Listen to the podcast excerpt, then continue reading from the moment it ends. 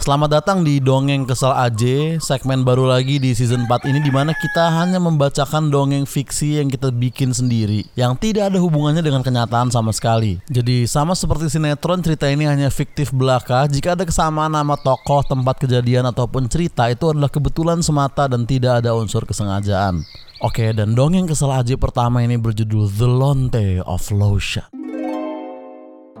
Di suatu pagi di tahun 4 pada kerajaan Loshan di kepulauan California, seorang pemimpin besar baru saja pulang setelah mencari ilmu selama tiga tahun di luar negeri. Seluruh pengikutnya menyambut dengan meriah. Dari seluruh penjuru Loshan, orang berbondong-bondong menjemput sang pemimpin ke pelabuhan. Saking banyaknya pendukung yang menjemput, maka beberapa warga sekitar merasa terganggu. Ada beberapa warga yang terlambat menuju kapalnya karena terhalang oleh pendukung para pemimpin. Ada beberapa awak kapal yang dicekal oleh kaptennya karena menyatakan ketidaksetujuan dengan para pendukung pemimpin dan juga ada beberapa fasilitas pelabuhan yang rusak. Namun seperti kata pepatah, singa tidak perlu memikirkan pendapat domba tentangnya. Jadi seluruh keluhan rakyat ini tidak diacuhkan oleh para pendukung pemimpin dan penjemputan itu pun berjalan dengan lancar. Terobati sudah perasaan rindu yang terpendam selama tiga tahun. Sang pemimpin akhirnya pulang dan siap kembali untuk memimpin kita menuju jalan kebenaran. Beliau berdiri dengan gagah di atas kereta kuda, berkeliling Loshan dan menyapa seluruh pengikutnya. Meskipun banyak warga yang terganggu, tapi tidak ada satupun yang berani mengusik pemimpin ini. Prajurit istana yang biasanya ditakuti justru menjaga acara ini. Kaisar dari Loshan yang biasanya benci kerumunan justru berkunjung ke rumah sang pemimpin. Dan Raja Besar California pun hanya bisa diam tanpa suara. Namun di tengah-tengah meriahnya acara di tengah-tengah megahnya kepulangan sang pemimpin besar legendaris di tengah-tengah seluruh keagungan dan kemuliaan itu ketika tidak ada yang berani untuk melawan atau membantah bahkan mengkritik sang pemimpin tiba-tiba terpecahkan oleh satu suara lantang yang merobek sunyinya ketakutan dan suara lantang itu berteriak Heh,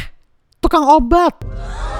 Seluruh penjuru Loshan terkejut dengan yang wanita itu katakan dan ratusan orang langsung menghujat wanita tersebut di sosmed eh kok sosmed? Maksudnya di lapangan tersebut namun sang wanita tidak bergeming. Wanita tersebut bernama Lonte seorang janda beranak tiga yang sangat jauh dari kata sempurna. Banyak sekali kasus dari mulai penganiayaan sampai kasus seksual yang Lonte terlibat di zaman dahulu sehingga rakyat seluruh California hanya mengetahui dia sebagai wanita yang nakal. Wanita yang binal wanita yang tidak malu untuk memperlihatkan kulitnya dan mempertunjukkan lekukan tubuhnya. Wanita yang tidak pernah sopan dalam berkata-kata. Wanita yang dianggap jarang menyuarakan kebenaran namun pagi ini bahkan bumi dan langit pun tercengang melihat nyali lonte yang berani untuk melawan sang pemimpin dan seorang panglima besar dari sang pemimpin pun tidak terima junjungannya dihina seperti itu. Ia berteriak, "Hey, lonte oplosan!" Ia sebenarnya ingin bilang lonte of lotion kan kalau zaman medieval gitu ya, Helen of Troy, Rob Stark of Winterfell. Dia ingin bilang lonte of lotion namun dia ini cadel F dan cadel H jadi hey, lonte oplosan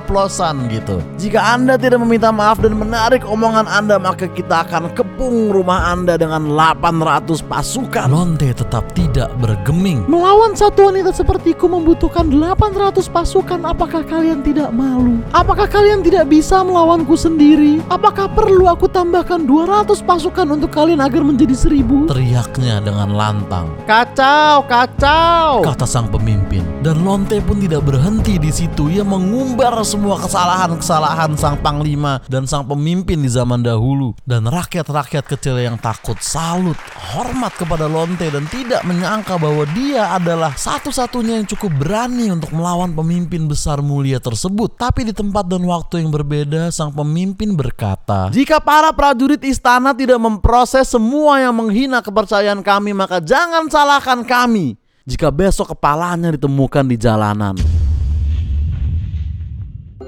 Siapakah yang dimaksud? Apa yang sedang direncanakan? Apa yang akan terjadi kepada Lonte? Akankah ia menjadi pahlawan legendaris di Loshan? Atau hanya menjadi korban keperkasaan sang pemimpin? Tidak ada yang tahu karena ini hanya cerita fiksi ngasal sekali lagi. Tidak ada hubungannya dengan kejadian di luar sana karena kami pun jarang mengikuti berita. Jadi untuk kalian yang komen ada tukang bakso di depan rumah atau hati-hati tiba-tiba hilang bang. Kami sumpahin agar Anda ditangkap oleh sang pemimpin langsung, dibentak-bentak oleh sang panglima di depan muka Anda, disambiti batu oleh 800 pasukan. Nggak nggak bercanda bercanda teman-teman. Gue nggak mau nyopain lo kayak gitu. Tapi mungkin kita akan temukan jawabannya di episode berikutnya. Dari dongeng kesel aja